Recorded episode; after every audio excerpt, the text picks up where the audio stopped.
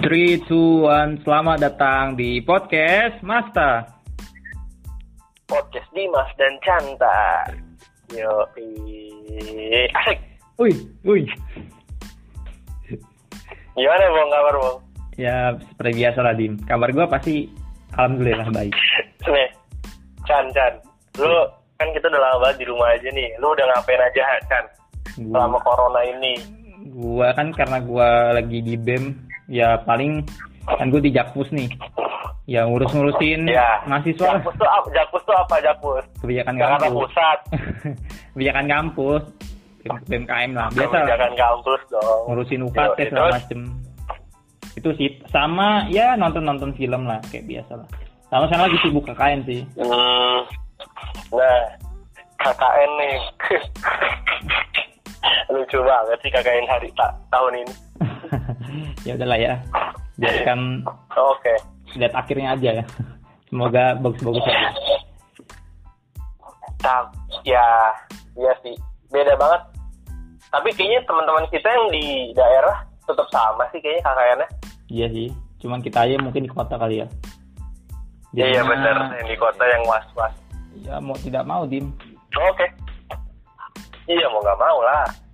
kali ini kita mau bahas apa Orang- nih dim Apa?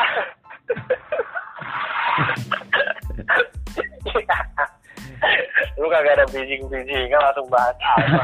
Oke, lalu udah langsung aja. Jadi, eh, ini isunya sangat amat hangat di Indonesia kan. Yang mau kita bahas kali ini tuh, eh kayak, apa ya, kayak isu ini tuh nggak bisa nggak bisa dihilangin kan. Sebenarnya juga di mana-mana pun nggak bisa dihilangin isu ini. Yang baru-baru ini aja, yang di kemarin di Amerika kan. hmm ya kan terus eh, yang apa namanya ada orang berkulit hitam Hmm. itu di ya sama sama polisi di dengkul apa sih lehernya ditekan dengan dengkul hingga tidak bisa bernafas ya George siapa namanya Chan? Eh, Georges Me- Me- Meter apa gua apa iya gitu sehingga banyak banget pemain bola atau di insan olahraga sekarang atau di mana pun itu brandingnya black black lives Meter black lives apa gitu Black Lives Matter ya Black Lives Matter. Nah itu yang yang menurut gua apa ya eh, dukungan lah orang-orang bahwa tolonglah hal-hal kayak gini jangan di terlalu dibesar-besarkan. Bukan terlalu dibesar-besarkan sih. Kita harus menghargai suatu perbedaan ya kan. iya iya Nah yang kita mau bahas kali ini itu tentang minoritas dan mayoritas. Waduh, berat Ya, banget, berat, sebenarnya berat. sih, lu sebenarnya sih Canta yang Canta yang mengalami ini. Kalau gue sih enggak, gue gue nggak terlalu mengalami. Tapi Canta yang bakal cerita panjang di podcast kali ini, gue cuman hanya nanya-nanya aja. Dan isu minoritas dan mayoritas ini sebenarnya ini kan ya. eh, kalau misalnya kita ngebahas itu salah satunya itu di, di Surabaya kan Hmm. di Surabaya tuh ya kita tahu lah mayoritasnya tuh orang Jawa. Hmm. Ini sebelum bahas agama ya, minoritasnya itu orang Tionghoa. Hmm. Nah, cuman mereka nih di di era dulu, setahu gua yang gue tonton dan gue baca di era dulu tuh mereka bersatu buat ngelawan penjajah. Iya, iya. Ta- tapi di mileni, gue nggak tahu generasi Z atau milenial sekarang jatuhnya ya, atau beberapa tahun tahun 90-an atau 80-an gue nggak ngerti. Iya, iya. Kayaknya setelah 98 deh. Hmm, ya. itu mulai tuh etnis Jawa dan etnis Tionghoa tuh seperti berseteru di Surabaya. Hmm. Sampai sekarang loh masih ada orang Jawa yang eh, nggak suka banget sama orang Tionghoa atau sebaliknya. Tapi di sisi lain itu hanya tapi itu kan kalau menurut eh, orang-orang yang di sana itu itu itu cuman cuman lingkup kecil kan orang-orang yang tidak respect. Hmm, ya. Jadi sis- sisanya tuh orang-orang yang saling mencintai, terus saling menghargai, bahkan kerjasama bareng, bahkan membangun perusahaan bareng untuk segala macam, hingga menikah juga satu sama lain. Hmm, Gitu. Iya, iya benar. Salah satu, pokoknya menurut gue salah satu contoh uh, yang memang harus diterapkan eh bukan diterapkan sih contoh dari orang-orang di kota Surabaya itu isu rasisme atau minoritas dan mayoritas itu sama-sama seimbang hmm. gitu tidak saling tidak saling mengalahkan lah eh tidak saling apa ya ibaratnya tidak saling dominan uh, ini deh tidak saling menyerang gitu. Iya iya menghakimi lah. Ada juga ada ya ada juga yang menyerang ada juga yang saling mencintai tapi lebih banyak yang mencintai. Oke. Okay. iya iya. Nah sekarang itu kan tadi etnis Jawa dan etnis Tionghoa. Sekarang kita membahas tentang agama nih. Iya. Iya kan? Hmm. nah uh, cuman cuman gimana sih Chan uh, lu mengalami ini kan emang daerah lu gimana? Terus uh, apa masalahnya? Dan gimana pokoknya deh gimana keadaannya daerah lu gitu. Nah sehingga lu sehingga lu bilang gue gue mengalami nih ma, apa sih namanya mayor gue seorang mayoritas dis, tapi gue tidak ditindas oleh minoritas gitu. Ya ya ya ya. Ya ya Oke oke. Iya apa? gue langsung cerita Serang nih ya. oke. Iyalah, kan sudah ditanya. Sebelum uh, gue men menjawab tadi ya masalah yang Hoa dan yang lainnya ya, uh, mungkin nanti gue di akhir akan menjawab ya, karena gue juga lagi mempelajari hal tersebut ya, dan sedikit tahu lah. Oke, uh, yang belum tahu gue ya, nama gue uh, Chandra Sana ya uh, mahasiswa IPB semester 7 mau masuk 7 matematika. Lu ngapain perkenalan? Ya siapa tahu pendeng ada pendengar baru, ada pendengar baru di Oke. Okay. Oh iya iya. Gue tinggal di di di Kabupaten Tangerang. Nama daerahnya tuh mm -hmm.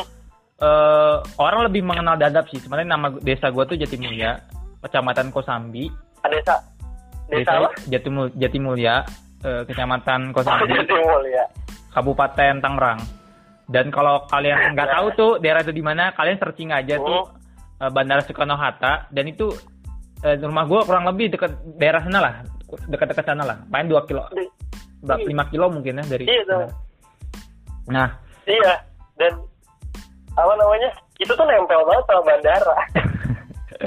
ya pokoknya dekat-dekat bandara ya. Jadi gue agak bangga dikit lah. Gue nggak norak lah kalau ada pesawat lewat. Yeah. Oke, okay. Uh, ngomong-ngomong uh, judulnya kan mayoritas yang minoritas ya. Iya bener. Ya, gue iya. muslim. Yeah. Uh, Alhamdulillah muslim 100%. Udah 20 tahun muslim. Di KTP 20 tahun muslim. uh, kenapa mayoritas yang minoritas? Karena uh, gue tinggal di daerah yang uh, gue menjadi seorang minoritas gitu. Bisa dibilang yeah. di iya. sana tuh komposisi antara uh, muslim dan yang lainnya tuh uh, seimbang. Enggak juga sih nggak seimbang sih, malah oh. lebih banyak yang non muslim ya. Jadi bisa dibilang ya, dalam satu uh, lingkungan itu gue paling cuma 20% atau 30% yang muslim lah. Waktu 10% lah. Sangat sangat Jumlahnya ada nggak jumlah spesifiknya? Uh, sepertinya 70% non muslim, 70 sampai 80 persen, 70 sampai 80 persen non muslim, 20 persen uh, muslim, dan non muslim itu beragam Katolik oh. Katolik. Kristen uh, mayoritas sih Kristen sih. Buddha Buddha lumayan oh. juga. Buddha ada Konghucu kayaknya ada. Hindu gue kurang tahu ya sepertinya ada sih. Dan uh, dari oh. sukunya mayoritas uh, Tionghoa ya. Uh, keturunan Tionghoa. Terus Batak juga ada. Tapi mayoritas keturunan oh. Tionghoa sih. Jawa Sunda itu ya oh. minoritas. Jadi ya memang memang uh, apa? Ya gue emang minoritas gitu. Rata-rata yang muslim itu emang suku Jawa Sunda yang Kristen ataupun Buddha itu suku-suku Tionghoa lah keturunan Tionghoa lah. Hmm. Batak juga. Jadi, hmm, kompleks lo ini ya kompleks negeri umum ya? Ah iya. jadi kalau uh, kalau gue boleh sombong sih uh, mungkin komplek gue yang paling Pancasila ya mewakili semuanya ada. Betul. Ragam Uh, Nah, uh, ini gue mulai dari mana cerita ya? Ya benar, uh, mungkin dari gue uh, kecil ya Dim ya. Jadi. Iya dari dari lo kecil. Dari gue kecil, gue emang udah mengenal lah berbagai macam uh, agama ya. Jadi, oh ya, yeah. for information, gue emang dari kecil juga uh, tidak dididik secara memang Islam yang benar-benar ya. Jadi gue emang dari kecil tuh udah di, di, di udah belajar secara macam-macam agama, bukan bukan belajar apa ya agama ya. Jadi gue belajar agama lain tuh kayak gimana prakteknya kayak gimana. Dan ya cara ibadah ibadahnya. Jadi gue sedikit tahu lah uh, mereka kebaktian, nama-nama gerejanya gue tahu macam-macam. Nah kok ada apa kelenteng, gue gue pernah ke kelenteng, gue pernah apa ya, emang pernah ikut sempat ikut uh, apa uh, perayaan lah apa? Perayaan perayaan. uh, Imlek kalau nggak salah. Bukan bukan dalam mati ngikut ya cuman kayak oh. ngeramein aja ngeramein aja. Kayak oh mereka oh. main main petasan atau apa gue ya ikut ngeliatin aja gitu. Nggak nggak nggak sampai memang benar-benar uh, ikut banget ya. Ya bisa dibilang yeah. nih tim kalau jadi gambaran lagi ya jadi benar-benar ngegambarin bagaimana kompleksnya uh, keragaman di daerah rumah gue ya. Jadi lu tau lah yeah. Iya. uh, kalau komplek tuh kayak gimana? Jadi komplek tuh kan uh, ada jalan terus rumah-rumah rumah-rumah sayang depan-depannya ya kalau bentuk komplek gue ya. Oh, dan tuh oh, uh, komplek gue namanya Duta Bandara Permaya. Jadi di satu komplek tuh uh, banyak bloknya lah ya banyak blok blok-bloknya. Nah gue beli yeah, blok. ya banyak blok ya. Komplek kan memang istilahnya dengan blok. Ya nah di gue di, di satu di salah satu blok ini gue gue tinggal nih. Nah uh, jadi konsepnya itu dia tuh ngeringkar dim bikin lingkaran gitu. Jalannya melingkar terus ketemu di ujung gitu. Bikin lingkaran. Jadi kayak P, P. Masuknya dari ujung P nih, terus muter. Blok gue kayak gitu tuh. Ngerti gak, Dim? Enggak. Kayak huruf P. Lanjut. Masuknya tuh dari kakinya nih, dari kakinya nih. P kan ada kakinya tuh. Ah, nah, iya, muter iya. terus keluar. Jadi gitulah bentuknya kayak gitulah. Oh, P gitu dong. Udah P gitu dong. Itu blok gua, blok gua, blok gua kayak gitu blok gua. Nah, jadi Oh iya iya. Jadi uh, di depan rumah gue itu uh, uh, jadi kayak ngelingkar gitu lah dia di depan-depannya. Nah, depan rumah gue ini uh, yeah. non muslim ya.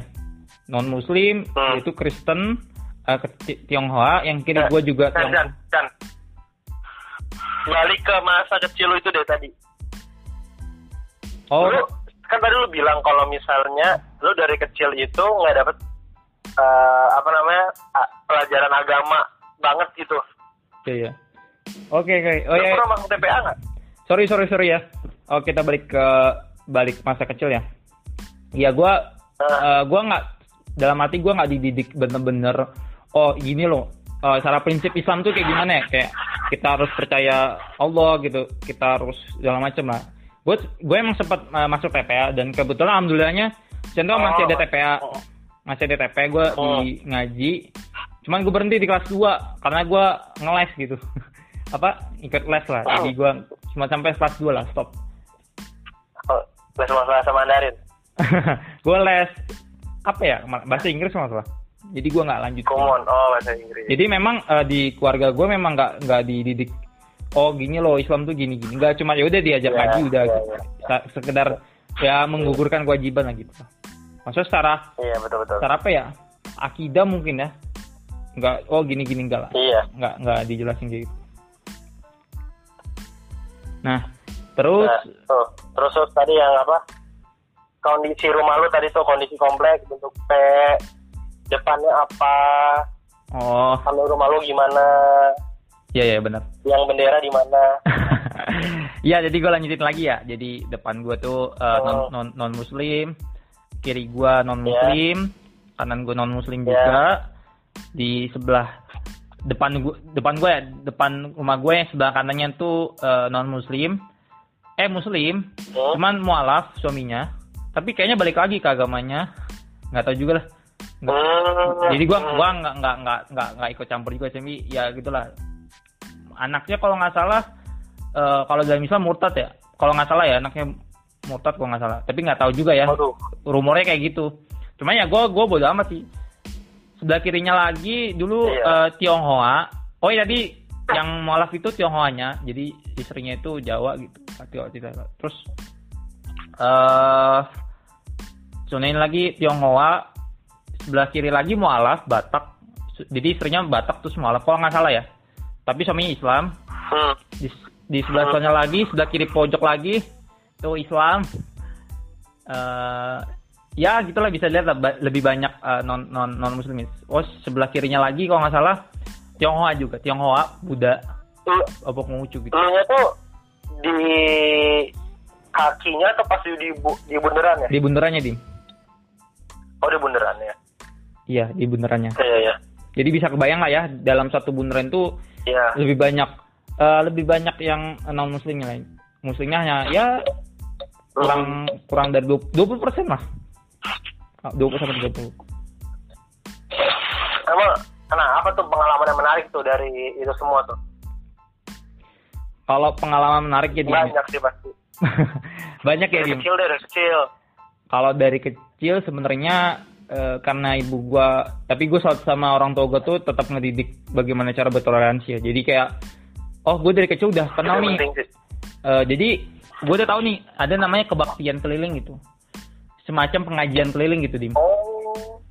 Jadi- iya, iya, iya. Eh, ada kayak ada suatu gereja. Jadi mereka tuh yang gue pelajari orang-orang eh, Kristen itu mereka udah eh, fokusnya di satu gereja ya. Ini koreksi gue kalau salah. Jadi Hmm. mereka kayak ikut jemaah satu gereja gitu kan kalau kalau di Islam kan kita kayak bebas gitu ya mau sholat di mana atau atau gimana ya maksudnya nggak terikat gitulah Kecuali BKM.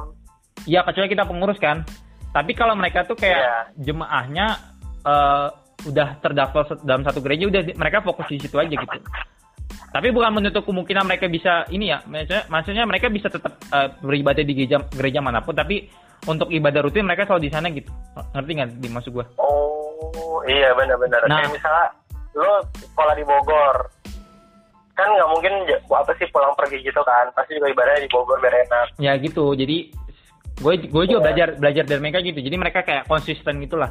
Ibadah di sana-sana terus gitu. Tapi nggak menutup Hmm. kemungkinan kalau mereka mereka mau uh, pindah pindah gereja atau segala macam lah untuk ibadah semacam Hmm. nah uh, balik lagi oh, mereka tuh kayak keliling gitu dim. Jadi sistemnya tuh kayak pengajian keliling gitu lah. Jadi ke rumah-rumah gitu tiap minggu uh, tiap tiap minggu kalau nggak salah tiap berapa hari sekali lah uh, ada kebaktian. Jadi uh, mereka uh, biasa ibadah uh, nyanyi lagu rohani segala macem dan kebetulan di Hmm. depan rumah gua tuh memang rutin lumayan rutin lah.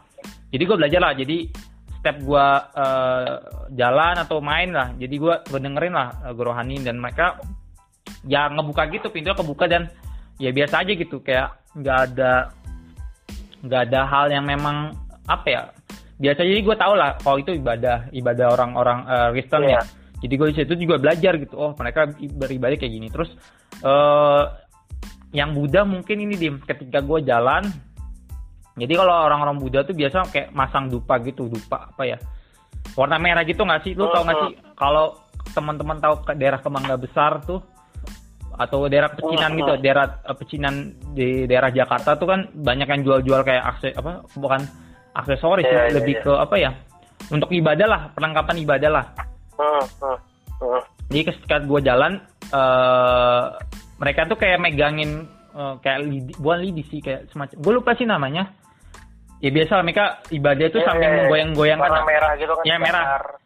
mereka dibakar terus digoyang-goyangkan terus dimasukin lagi ke kayak Iya. ke apa sih semacam tempat gitulah jadi kayak ada Hmm. asapnya gitulah jadi gue sering banget lewat awalnya gue aneh ya kayak awalnya mungkin kayak aneh gitu kayak lucu gitu ya mungkin ya namanya bocah ya tapi seringnya berjalan Iya. waktu ya karena gue diajarin oh itu ibadahnya. Jadi kayak gue wah udah biasa gitu. Orang kan banyak kaget kan karena memang belum terbiasa ya. Tapi kalau udah terbiasa udah kayak oh udah enjoy aja gitu. Terus ketika eh, nggak tahu ini tradisi orang Tionghoa atau mungkin Konghucu atau Buddha ya jadi mereka tuh kayak untuk mengingat kematian seseorang ya dim. Eh Oh. itu biasa mereka majang foto habis itu mereka bakar-bakar itu apa kayak kertas-kertas gitulah warna kuning gitu Oh iya iya iya. jadi sering banget sih eh, nggak sering sih. Beberapa kali gue nemuin gitu orang yang kayak eh, habis eh, dia ada saudara yang meninggal terus dibakar gitu. Itu entah tradisi orang Tionghoa eh, Konghucu atau Buddha gue kurang tahu tapi yang jelas dibakar gitu lah jadi gue belajar pas banget di depan rumah gue di nggak depan sih kayak deket rumah gue paling jalan 10 meter lah. Gue ngeliatin gitu mereka dibakar kayak kalau kita kan yasinan nih 40 harian atau 20 hari mungkin yasinan tapi mereka kayak Iya iya iya. Untuk memperingati ya kayak gitulah. Awalnya gue sempat aneh lagi kan tapi ya karena gue lihatnya sudah oh gini loh ibadahnya. Jadi gue gue gue tahu. Terus eh sekolah minggu gue tahu sekolah minggu ibadah sekolah minggu. Jadi anak-anak tuh biasa nih yang yang kecil-kecil sekolah minggu. Dulu, dulu kakak gue pernah kayak diajak gitu dim tapi karena bapak gue ngomong kalau kakak gue muslim ya udah nggak jadi ditarik. Sempet ngikut gitu.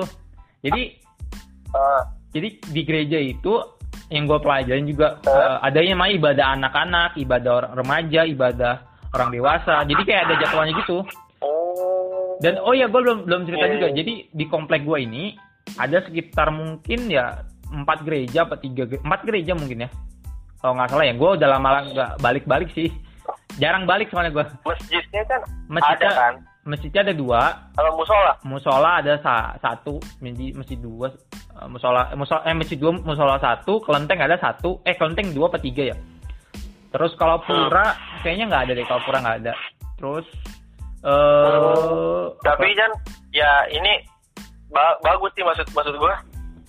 Lu dari kecil udah bis, udah diajarin kayak gitu setidaknya ketika mereka lagi ibadah lu bisa menghargai mereka. iya Nggak tiba-tiba lagi ibadah lu nyamper temen lu main kan nggak asik dong. Iya, jadi jadi gini bener Dim. Oh ya, untuk kalau muslimnya Dim. Jadi kalau yang muslimnya sendiri kita kan kayak pengajian gitu ya biasa kita pakai speaker, Iya. pakai apa ya? Hmm. Biasa didengerin tuh biasa. Jadi mereka tuh kayak lu mau pakai speaker pun nggak masalah gitu. Antara ibadah lu gitu lah ya ya mereka memaklumi ya sama-sama maklumi dan ya itulah kalau gue cerita sedikit ya.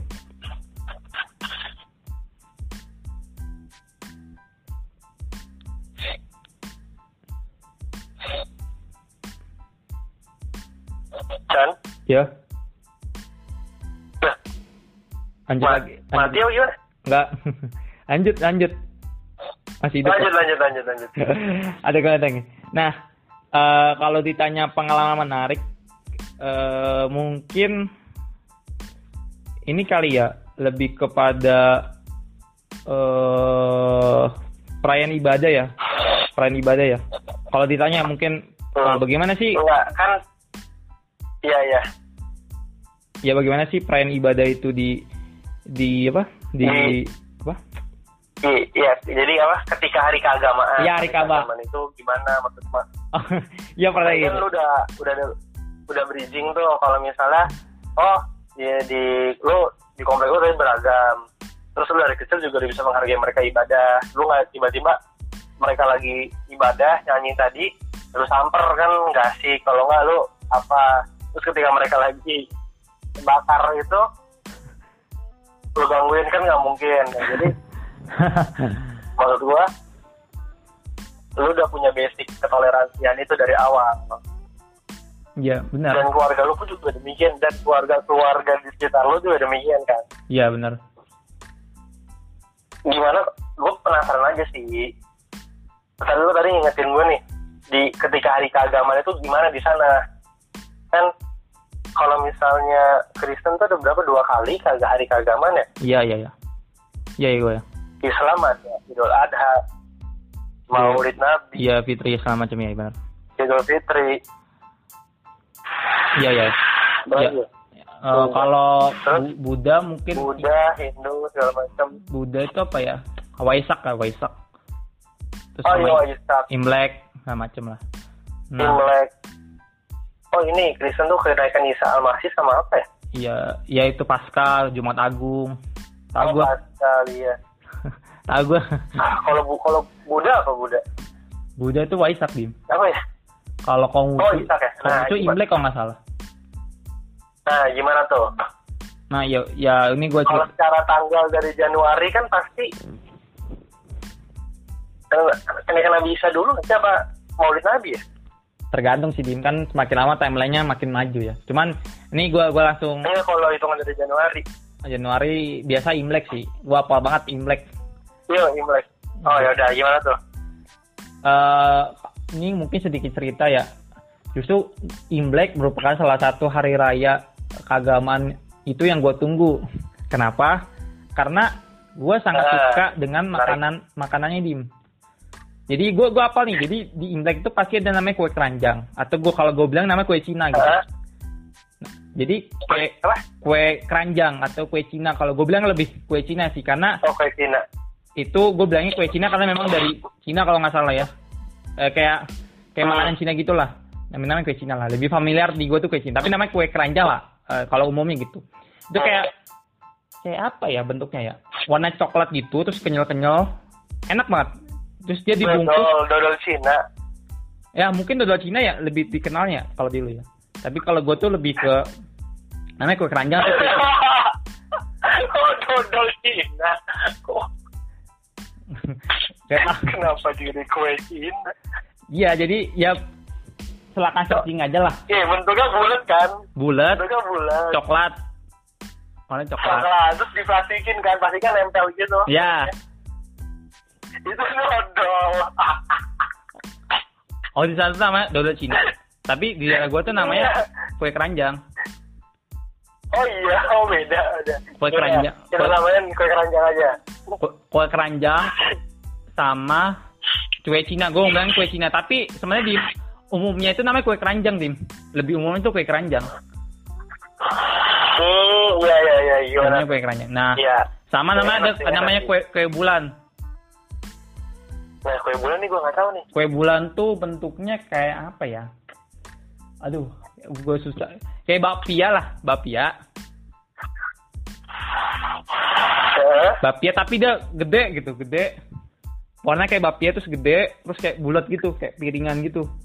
Terus dipotong tuh kayak kuenya Aduh, ah gitulah. Salah kue kue namanya kue bintang lah. Jadi setiap imlek Hmm.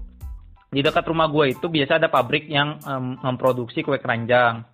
Jadi kayak eh, biasanya orang-orang Tionghoa tuh kayak ngasih ke gue gitu ini kue keranjang kalau nggak ibu gue beli gitu.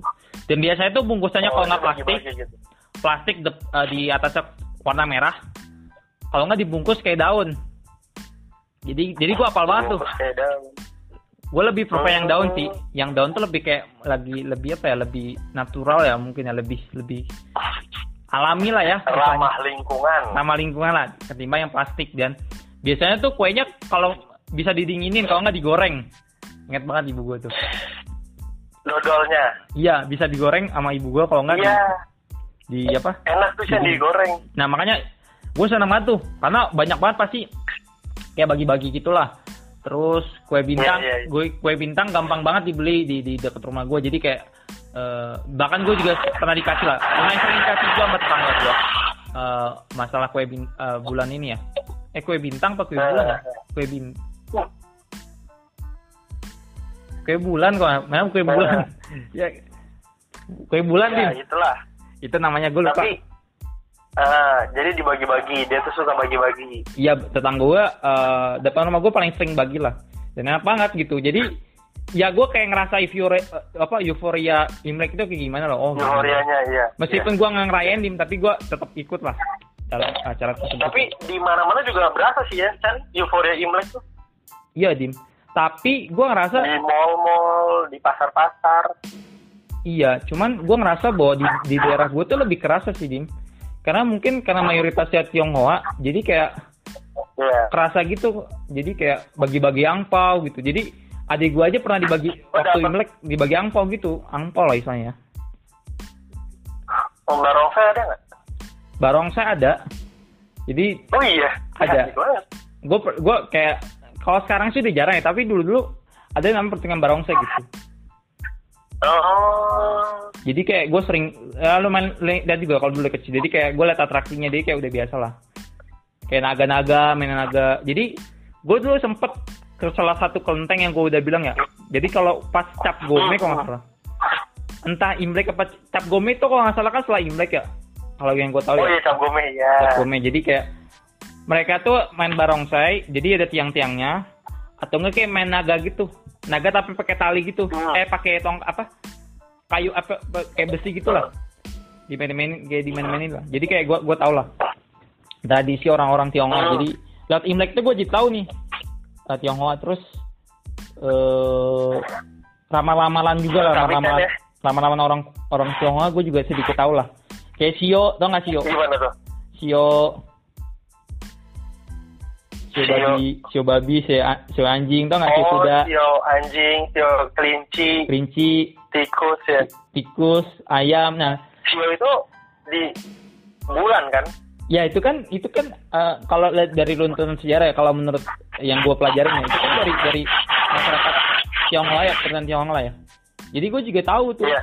Sio Sio jadi kayak dulu kan karena teman gue juga banyak yang yang eh, keturunan Tionghoa jadi gue tahu nih Sio Sio jadi kayak tikusnya Hmm. macam-macam nih jadi ada tikus api tikus tikus besi. Jadi kayak kayak meskipun tahunnya jadi tahun tikus tapi macam-macam tikusnya tikus apa nih gue di Oh iya iya iya iya. terus kayak ada pantangan-pantangan lah tahun apa ya? pantangan-pantangan orang Tionghoa tuh kayak eh kamu nggak boleh beli ini." jadi gue belajar dikit lah jadi tau lah filosofi filosofinya lah Hmm. karena memang banyak orang Tionghoa jangan kan. menghadap jangan menghadap apa matahari ya rumahnya tahu gimana ya? iya seperti itu sih cuma gue lupa sih eh apa toko ya nah ya ya ya gue gue gue gue pernah dengar tapi kayaknya nggak gitu sih. Gue agak lupa lah. Pokoknya ada ada filosofi filosofi orang orang Tionghoa lah. Hmm, jadi kan ibu gue tuh pasiennya kan emang orang-orang ini ya orang-orang yang ngerayain imlek gitu. Hmm. jadi setiap imlek itu gue pasti dapat angpau. Hmm. pasti dapat angpau dan gue dapat dodol tadi dodol Cina. Terus jeruk jeruk oh iya satu keranjang satu keranjang gitu iya iya. Pantas lu ngomongin dodol Cina di gue tuh kue keranjang sih ya. Sebenarnya umumnya kue Iya, keranjang tau jadi eh, ya gue ya, ibu gue juga ini sih. Mengajarkan toleransi yang sama sih. Iya benar benar benar. Nah terus? Eh, terus terus terus. Eh, keagamaan itu itu tuh Imlek ya. Terus kalau misalnya kayak eh, Natal lah ya, kita Natal aja lah ya.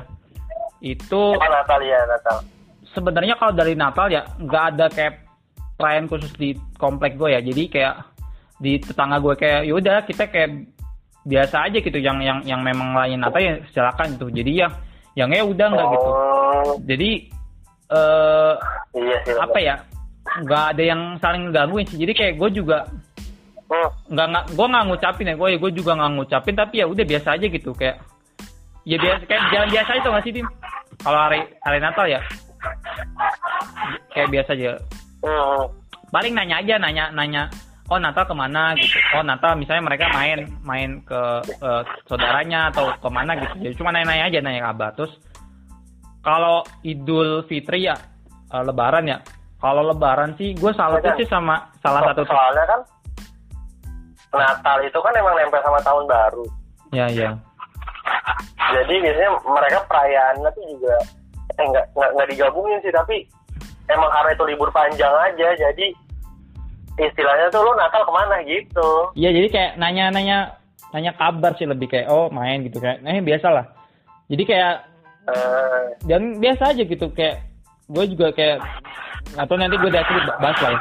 Terus kalau ngomong Idul Fitri Iya. deh, Idul Fitri itu ya mereka tuh ngikut juga kayak minta maaf, lahir batin ke rumah. Terus gue udah salut Oh. banget nih sama salah satu tetangga gue, dia tuh non muslim tapi dia tuh rutin banget ngasih parcel lebaran gitu. Tiap tiap apa ya? Tiap tiap lebaran gitu ngasih. Apa sih? Parcel Hmm. namanya. Ke rumah gue gitu. Parcel. Apa sih kayak kue lah atau apalah mau dikasih lah tiap tiap iya iya iya. tiap, iya. tiap tahun tiap tahun ya tiap, tiap tiap lebaran pasti dan gue selalu banget sih kayak respeknya tinggi banget dan gue juga sering ngasih juga kok. Cuman memang ibu gue tuh ngasih memang nggak nggak dalam satu momen gitu kayak berapa momen gitu. Cuman memang eh, mungkin Iya, karena momennya lebaran tuh terkenal parcel yaudah mungkin dikasihnya rutin gitu tiap tiap lebaran ya. Hmm. Terus untuk hari raya lain ya kayak Jumat Agung, terus Jumat Nah, kok aku tanya, ada yang Kamis Putih, Jumat Agung, Paskah. Gue gak, gue apalah karena kadang-kadang ibu gue juga nanya-nanya kan. eh oh ini apa nih eh, Jumat Agung apa? Terus gue nggak dengerin sih, cuman gue tahu aja gitu nama Jumat Agung, Kamis Putih, ada rangkaiannya lah. Terus terakhir itu Paskah kalau nggak salah. Paskah tuh intinya ingat telur. Gue belajar juga tuh, oh gini. Telur. Paskah tuh inget dia dengan Oh, telur. telur. Yang yang nggak bener nggak? Ini yang yang dengerin gue bisa koreksi nih. Pokoknya gue apa banget Jumat Agung habis. Nah mereka tuh biasanya puasa kalau nggak salah. Biasanya tuh puasa gitu. Hmm, Puasa pas kapan gitu. Jadi kayak ngobrol-ngobrol aja kayak oh di Islam tuh eh, puasanya kayak gini-gini. Mereka kadang ngomong oh puasa gini. Kalau nggak salah ya, gue pernah dengar mereka tuh puasa juga gitu. Dan terus kalau ibadah Waisak sih eh biasanya di kelenteng sih yang harus berdiam diri itu apa sih nyepi tuh mah nyepi. Oh nyepi. Nyepi enggak karena di uh, blog gua kayaknya nggak ada yang Hindu deh. Nggak ada yang Hindu. Hmm. Jadi ya nggak Oh nggak iya yang paling ya. paling kayak tadi kayak pasca kayak eh, kenaikan apa? Natal, Idul Fitri, Hmm. Idul Adha, Hmm. Kurban, ya itu segala macam. Dan akika ya, akika. Jadi pernah di adik-adik gue tuh akika ya. Dan Iya. kan biasa ada dagingnya dan ibu gue bagi-bagi apa daging apa Daging. Iya. akika tuh makanan-makanannya ke, ke Kambing. tetangga gue yang non, non muslim gitu dan mereka nerima gitu Hmm, iya. ya ya kayak gitu gitu Iya. iya. Se- sebegitu apa ya sebegitu dalam keagamaan kayak gitu toleransi yang yang ada di Iya, di, ko- di komplek gue gitu Iya ya, itu eh, apa namanya? Kalau misalnya, tapi eh kan kalau misalnya sholat id gitu, udah jauh nggak sih masjidnya? Masjid sih kalau gue banding sama teman-teman gue ya compare itu sebenarnya luma, agak lumayan sih karena agak muter gitu nggak nggak mungkin kalau naik motor itu mungkin 200 meter lah 300 meter lah. Nggak jauh sih. Cuma ya lumayan lah di kalau dibanding Ya. dengan dengan kayak biasanya lah. Gue liat orang-orang lain kan dekat banget ya masih kayak- depan rumah tuh tapi ya lumayan dekat lah cukup dekat lah. Tapi Ya. masjidnya tuh di komplek itu. masjidnya cuma dua lagi jadi kebayang dong kalau lagi Iya, sholat pasti ngeluber itu. ngeluber sampai sampai belakang gitu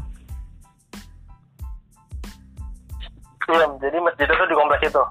ya ada di komplek Dan di komplek itu ada beberapa tempat ibadah gitu. ya yang tadi gue udah cerita jadi ada empat empat Hmm. gereja terus ada Hmm. dua masjid satu musola ada dua kelenteng kalau nggak salah dan masjidnya dan gereja itu gue tau dim jadi gereja itu ya gue juga belajar juga nih ada gereja namanya Hmm. Bethlehem HKBP terus gereja Pantai Costa gereja apa lagi? Jadi gue gua, gua apa? Jadi gereja itu mereka ada alirannya gitu dim bukan aliran sih Oh. kayak apa sih? Eh apa sih dibilangnya? Kayak mungkin kalau di Islam Muhammadiyah nah, NU gitulah. Ah, oh, Kalau gua ngomong mungkin kayak gitu Kami HMI gitu. Ka- kami Haimi kan itu ormas dim Oh, kan aliran itu.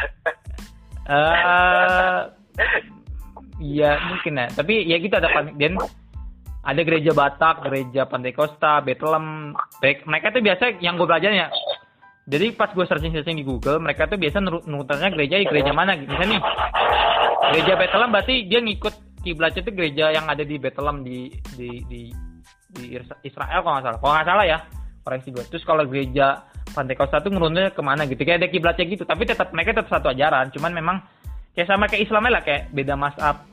Mungkin beda masab ya? Atau apa Hmm. ya? Mungkin lah ya. Iya. nggak tahu koreksi gue jadi ada macam-macam gitulah. Koreksi gue, koreksi gue. Kan, tapi ada pernah konflik ya kita konflik ya? Dengan sebe- seberagaman ini gitu. konflik seperti kayak hampir nggak ada kayak dua satu dua kemarin gimana pandangan mereka? Terus gereja yang dibakar segala macam. Apakah mempengaruhi komplek lu atau seperti apa?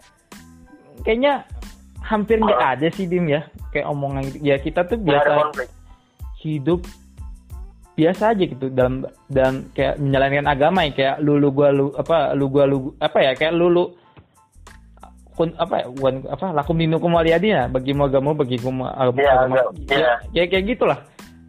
Nggak ada kayak konflik Iya. masalah agama. Cuma kalau konflik dalam kehidupan kayak misalnya ngomongin orang terus utang nggak dibayar itu itu biasa gitu. Itu kan masalah dong konfliknya dong. Kan ini lo ngomongin konflik ya? Tapi bener-bener nggak ada konflik. Hampir nggak ada. Kalau kalau yang ngomongin Ahok kemarin ya, Ahok itu sempat ada yang ngomong Iya. sih cuman gue lebih milih gue sama gue lebih milih nggak nggak nggak terus ngelanjutin sih.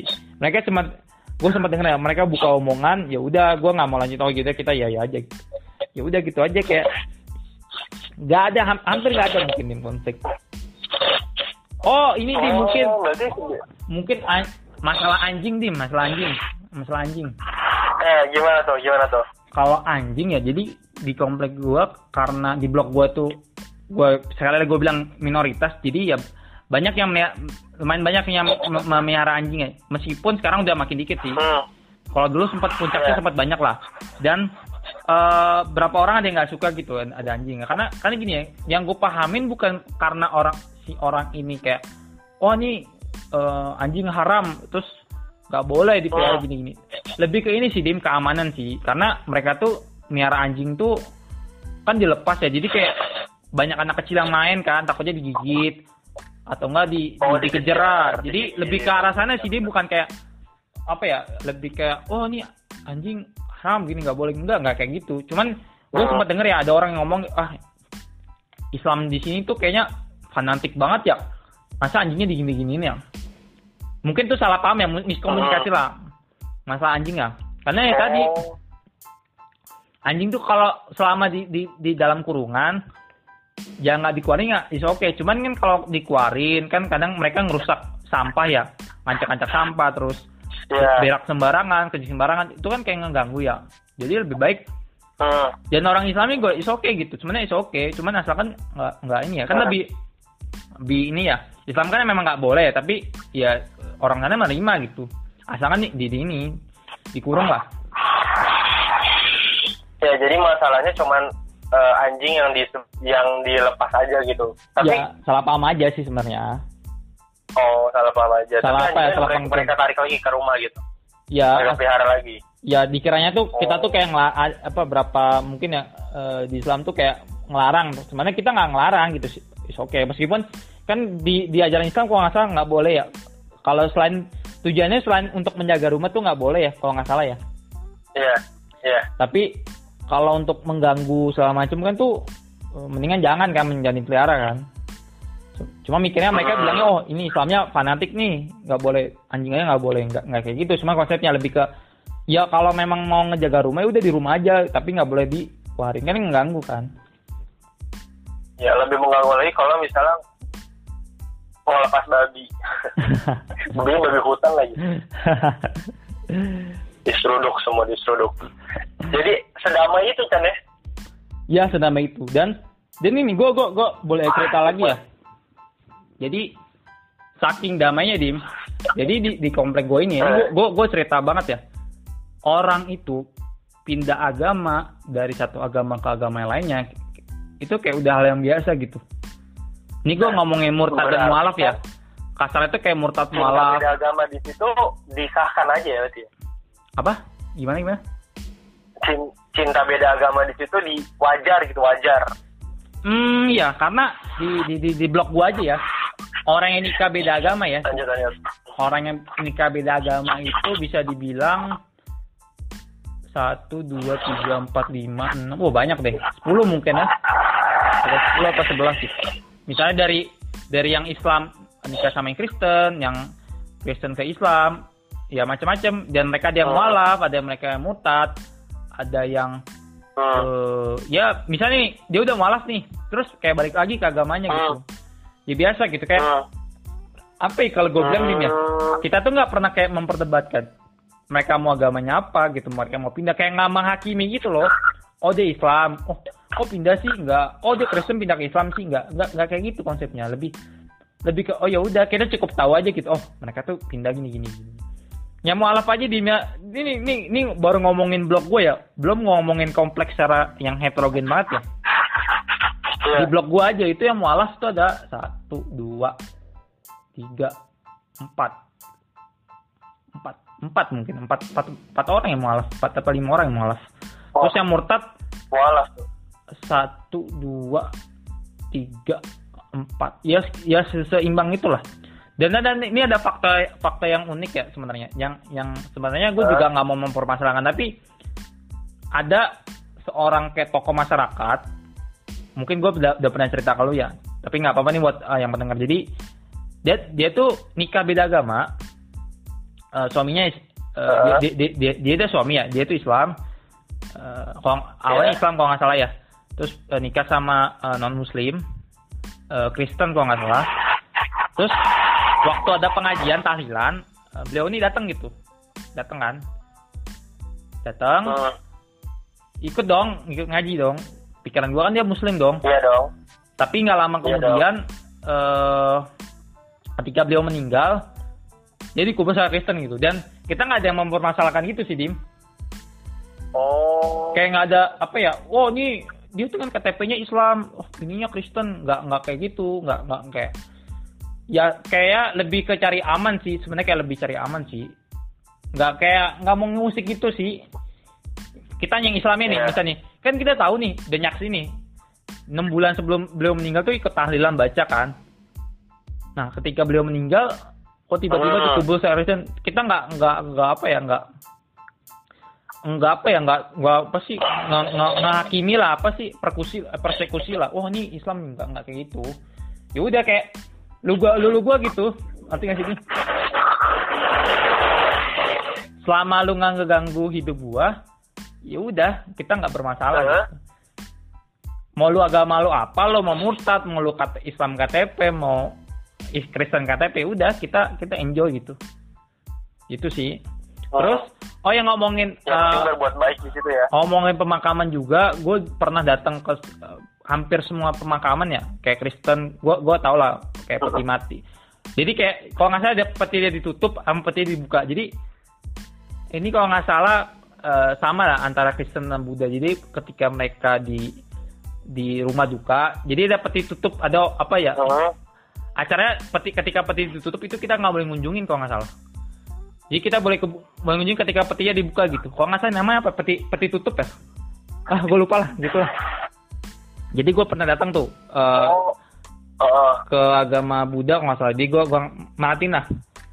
Ketika gue datang ke rumah duka ya gue belajar lah mereka ketika eh, kehilangan tuh kayak gimana sih prosesnya. Kalau kita kan kayak udah meninggal dimandiin dikafanin itu udahlah dikubur kan kita kan Ya, gitu kan iya, gembel lah pasti. misal kita gembel lah karena cuma pakai kain kafan misalnya kan kalau kalau dimemein lah Iya. tapi kalau mereka kan eh, pakai jas terus dirapiin terus Iya, iya, iya, iya. terus pakai peti terus kalau nggak salah ya rumah duka itu juga menandakan kayak eh, kualitas hidup seseorang gitu semakin rumah dukanya bagus sih Hmm. itu pasti orang-orang kaya atau orang-orang kaya lah yang rumah dukanya gede lah tapi kalau yang kecil tuh biasanya ya memang orang yang eh, biasa aja gitu. Ya gue juga belajar sih kayak gitu. Di situ tuh gue belajar oh kayak gini. Terus ya, kayak gitulah. Terus didoain. Terus ya ya gitu gue belajar lah gimana cara mereka memperlakukan jenazah ketika orang meninggal lah. Jadi ya dari situ gue juga belajar lah. Apa? tadi ya. belajar oh gimana sih mereka mereka belajar. eh, mem- apa memper apa ngerawat jenazah kayak gitu kan kalau di Buddha oh di Buddha kan ada mereka kalau nggak dikremasi dibakar kalau nggak dikubur ya? Kalau nggak salah ya? Hmm. di dadap itu di daerah dadap tuh ada ada rumah abu rumah abu lah rumah jenazah. Jadi mereka yang dibakar tuh jadi abunya disimpan gue juga tahu oh gitu loh. Jadi di agama itu gitu. Terus abunya bisa dibu kalau nggak salah bisa dibuang atau disimpan lah. Kayak gitu lah yang gue pelajarin. Terus yang Kristen kan? Bahkan abunya ada yang dibuang ke laut. ya jadi ya gitulah gue belajar lah di kalau kalau kita kan klasik ya bukan klasik sih. Udah biasa lah kayak meninggal habis itu dimandiin dikubur sholatin kelar kan. Tapi mereka kan kayak Iya. bahkan uh, ru- apa rumah dukanya itu bisa tiga hari sampai tujuh hari gitu seminggu. Kan kalau di Islam tuh ketika jen- jenazah itu meninggal harus buru-buru dikuburin kan. Iya, buru-buru buru-buru disolati, buru-buru di kuburi, kuburin. kan kalau kalau yang mereka kan kadang tiga hari empat hari kan jadi itu kan titik perbedaannya ya Iya, iya, iya. jadi iya, kalau gue iya. belajar di situ sih Berarti ya emang apa ya Chan? Eh, lu udah setidaknya sudah belajar toleransi ini dari dari lingkungan lu sendiri kan? Iya bener banget bener banget gue udah Jadi, belajar emang coba gimana sih apa sih emang arti toleransi itu menurut lo deh? kalau gue buat gue ya dim kalau ditanya mengenai toleransi wah gue sendiri juga bingung ya mendefinisikannya tapi buat gue ada toleransi ketika lu hidup itu tahu batasan ma- mana hidup lu mana hak orang lain gitu tau nggak batasan hidup antara hak lu dan orang lain tuh itu buat gue toleransi Hmm, hmm.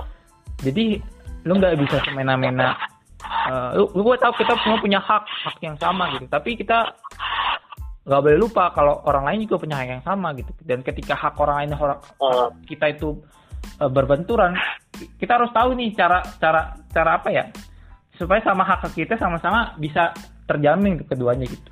Kalau buat gue ya. Jadi ya kalau memang mereka merasa uh, mereka mau ibadah ya silakan gitu. Terus kalau gue mau ibadah sholat ini mereka juga silakan. Oh.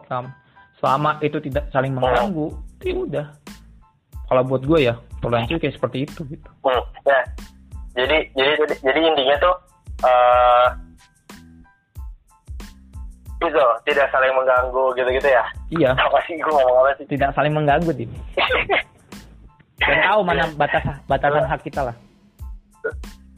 Iya benar, itu lah toleransi kan. Terus uh, ya itu kan dari lingkup lingkup kecil lingkup kecil apa namanya lingkup kecil komplek lu nih. Tadi kita di awal sudah dibahas tentang Surabaya gitu. Tapi setelah dulu kan emang isu-isu ini kan gara-gara pemilu Chan ya. Lu perhatiin gak sih? Kayaknya udah lama sih sebenarnya. Gara-gara Iya, nggak maksudnya naik lagi gitu. Oh iya. Kayak dulu dari kasus Kalo Ahok deh. Sekarang, Kayak dari kasus Ahok deh. Iya kan, itu kan pemilu mau pemilu dia. Iya iya benar-benar. Yang sama yang sama Anies. Nah, apa namanya? Kalau kita lihat ke Indonesia sekarang justru lebih udah isu itu menghilang ya, bukan menghilang sih lebih sedang tidak hype, sedang tidak ya semenjak pemilu kemarin udah kelar udah nggak ada nggak ada lagi. Hmm. Ya ya benar. Kalau perhatiin deh, coba coba kalau kita telah bareng-bareng. Ya benar benar benar. Ya. Dua satu dua juga udah apa nama udah nggak terlalu ini genjar-genjor lagi. Walaupun kemarin setahun ya waktu itu setahun sempat tahun lalu atau setahun ya? Hmm. Dua satu dua satu dua. Hmm, ya ya. Mungkin ya, gue gue jawab sedikit kali dim ya. Iya. Meng apa tuh? Mengenai Tionghoa ya, mungkin karena di daerah gue banyak Tionghoa ya, Tionghoa ya. Jadi. Hmm. kalau ini gue juga belajar juga kenapa sih uh, sentimen Tionghoa itu di Indonesia masih terus ada gitu dan dan kenapa sampai sekarang gitu dan gue juga ini juga berhubungan dengan, dengan kasus yang di Papua di eh, yang di Surabaya untuk mahasiswa Papua gitu. Iya.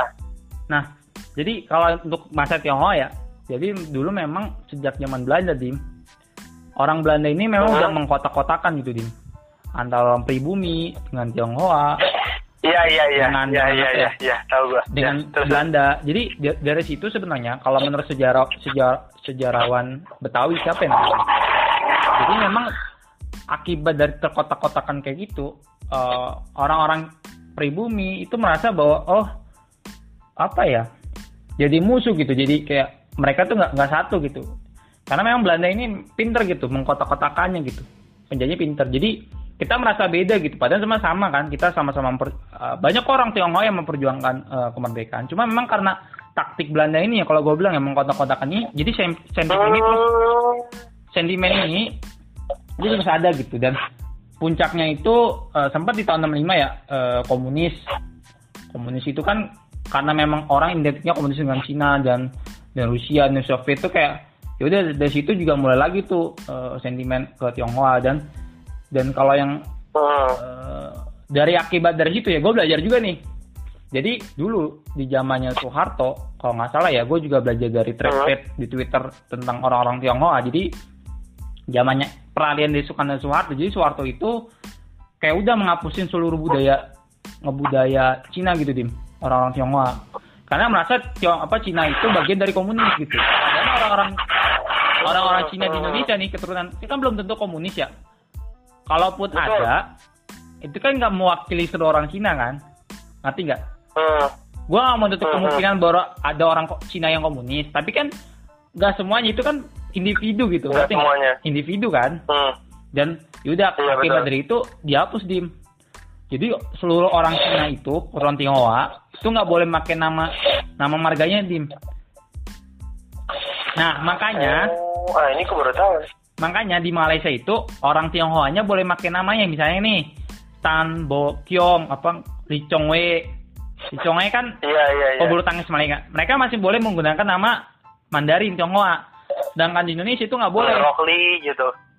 Di Indonesia tuh setahu gue nggak boleh. Mereka harus punya nama Indonesia gitu makanya nih Oh iya iya iya. iya, Rudi iya. Hartono Rudi Hartono itu kan salah satu pendiri Jarum ya kalau nggak salah PCA ya mereka kan punya nama nama nama Cinanya tau nggak nama Cinanya gitu Siapa tuh? gue lupa nama Cinanya apa gitu Eh, siapa ya Oh iya iya iya.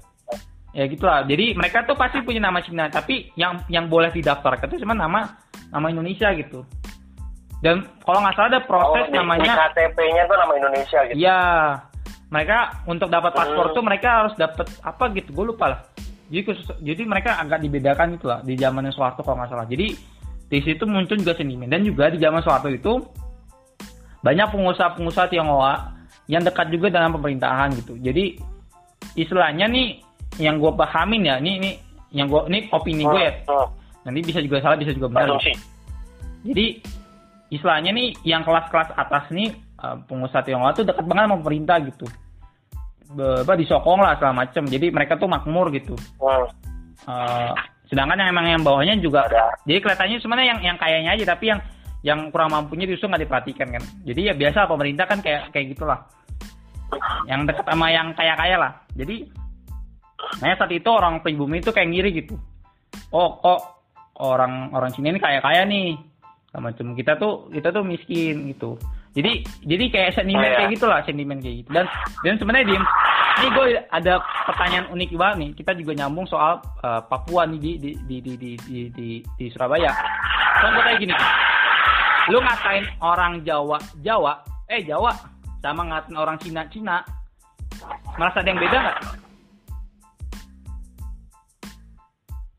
Ya. Ketika lu misalnya nih, ada orang Jawa, ada orang Cina. Eh, Gue ngatain orang Jawa, eh Jawa. Terus ada orang Cina, eh Cina. Oh, lu ngerasa ada yang beda nggak sih hmm, dengan dua perkataan itu? hasilnya beda. Kenapa? Karena ketika kita ngomong Jawa, nggak ada namanya kayak sentimen. Tapi ketika ketika ngomong soal Cina, orang sentimen gitu. Iya. Nah, ada orang Cina nih. Orang Cina kaya.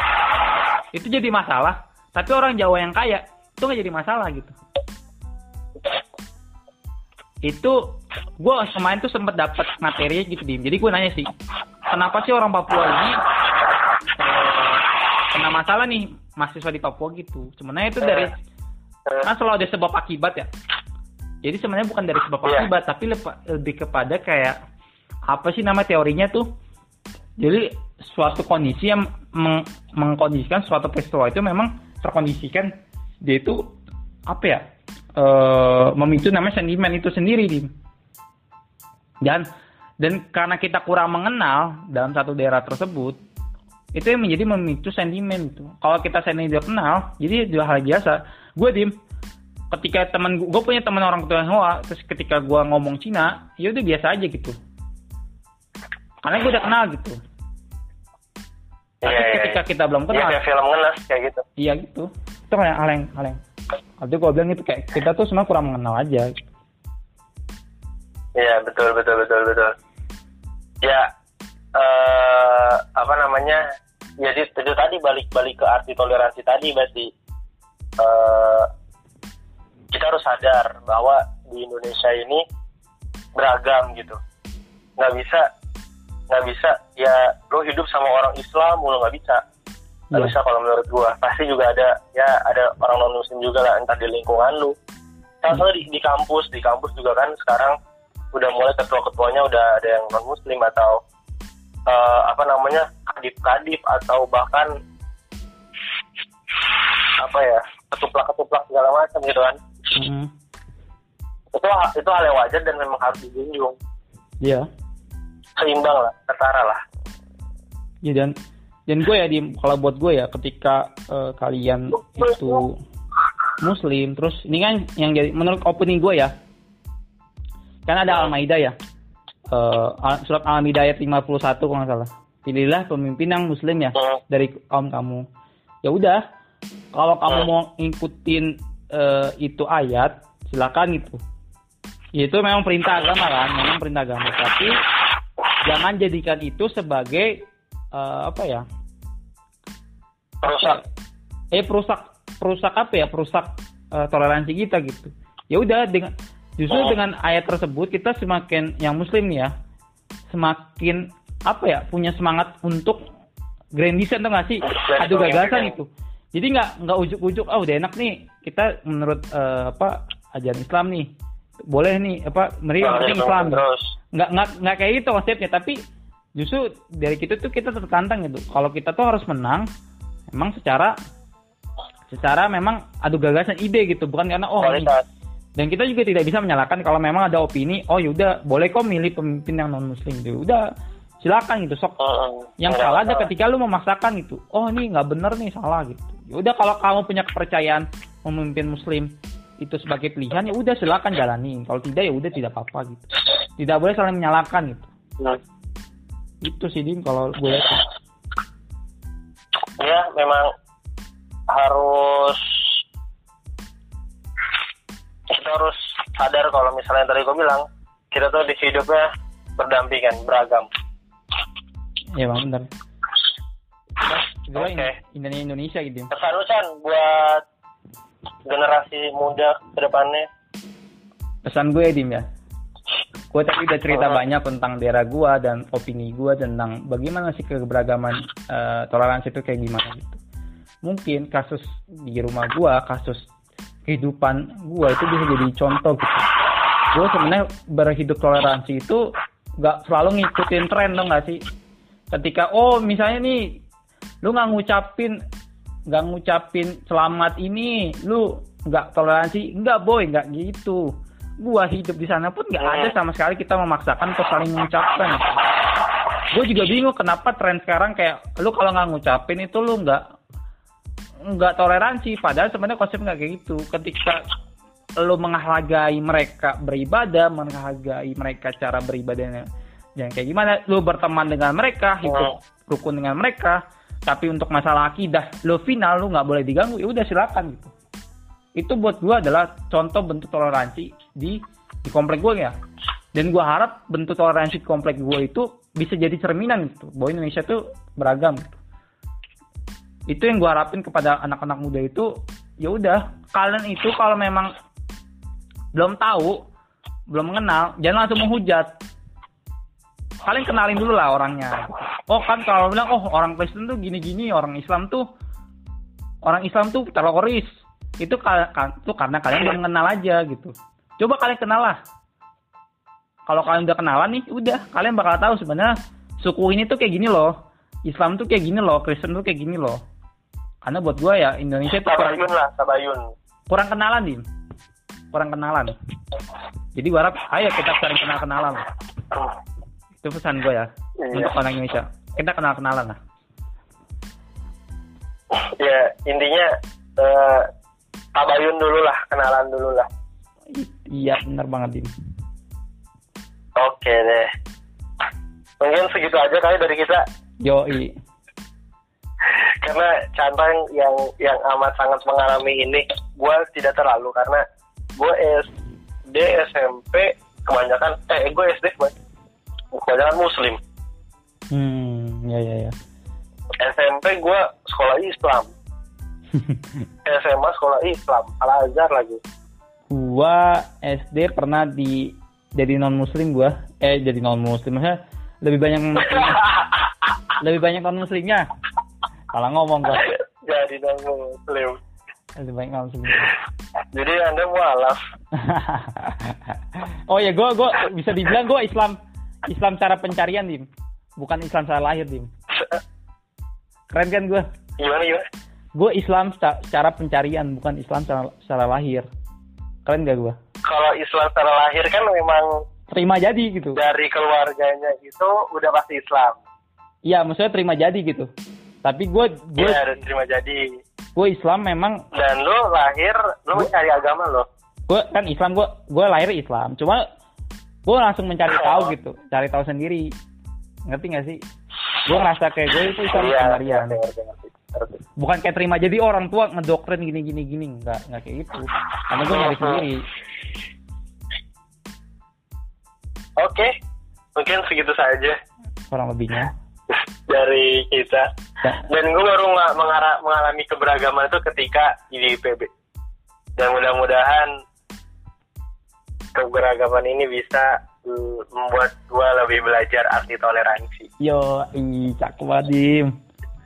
Ya, iya deh. Sip, karena banyak teman-teman gue yang nonis dan itu lebih lebih toleran ketika kita kita ketika lagi rapat tuh sholat mereka malah ngingetin eh lu nggak pada sholat malu banget itu gue Iya, iya, iya. iya. Ya itu oke deh Oke deh, Dim. Sampai jumpa oke kita di aja. podcast masa minggu depan. selanjutnya